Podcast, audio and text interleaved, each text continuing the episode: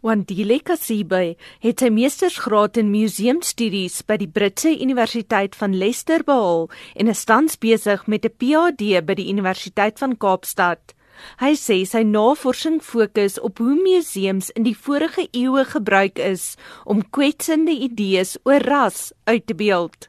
Hy sê van die bekendste museums ter wêreld is nog die tuiste van sogenaamde problematiese argiewe wat veral beendere bewaar wat van Afrika afkomstig is. I went to the United States. Part of the reason why I went there was to tracking down the remains that had been stolen from South Africa and then shipped out of the country as part of the global race uh, scientific project. These remains are currently at the Smithsonian Institution in Washington, D.C., and others are at the Museum of Natural History in New York, and others are at the Penn Museum in Philadelphia. When I was in Washington, D.C., I was presented with five full skeletons, and the skeletons are in, in white boxes and, and in plastic bags. And these individuals were stolen from their graves in Port Alfred. They were prisoners. That's what the letters that are attached to these uh, individuals uncover. Kasibe verduidelik dat die beendere in 1910 uit grafte gegrawe is en aan die Albany Museum in Graamsstad geskenk is. John Hewitt, who was the curator then,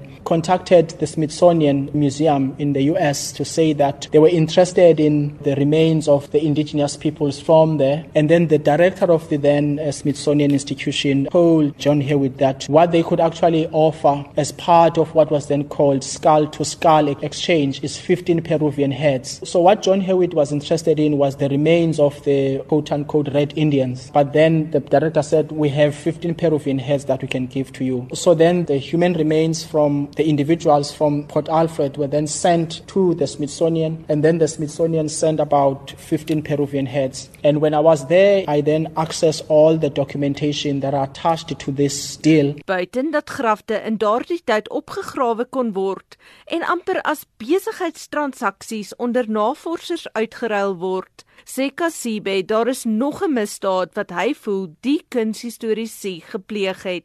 Dit is onlangs in 'n bekende toneel in die fliek Black Panther uitgebeeld. Good morning. I was just checking out these artifacts. They tell me you're the expert. Ah, you could say that. They're beautiful. Where's this one from? The Bobo Ashanti tribe, present day Ghana, 19th century. Tell me about this one. Also from Benin, 7th century, Fula tribe, I believe. Nah. I beg your pardon. It was taken by British soldiers in Benin, but it's from Wakanda. Don't trip. I'm gonna take it off your hands for you. These items aren't for sale. How do you think your ancestors got these? You think they paid a fair price? Or did they take it like they took everything else? Sir, I'm going to have to ask you to leave.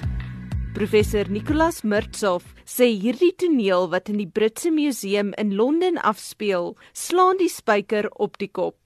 a comic book movie was able to pose this very serious question about cultural property and repatriation as a segment within a multifaceted movie of that kind. But it pops up. That really popped. I know everybody responded to that in the visual arts world that I'm part of.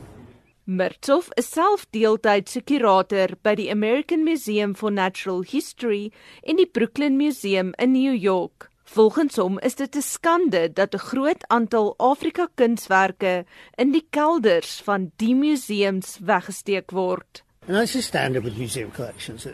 Almost all of the museum collection is out of sight. But one has to ask oneself, why then are, in the case of the American Museum of Natural History, 36,000, or in Brooklyn Museum, 20,000 African objects in the basement? Why are they not where either African Americans or, more honestly, Africans could see them and engage with them and understand their own history? Hy sê 'n mens moet eerder die vraag vra, hoe het hierdie kunswerke oorspronklik in die museums beland?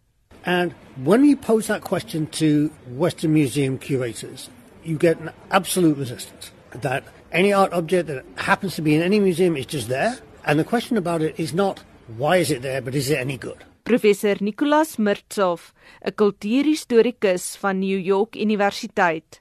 Anne Marie Jansen van Vuren vir SAK nuus.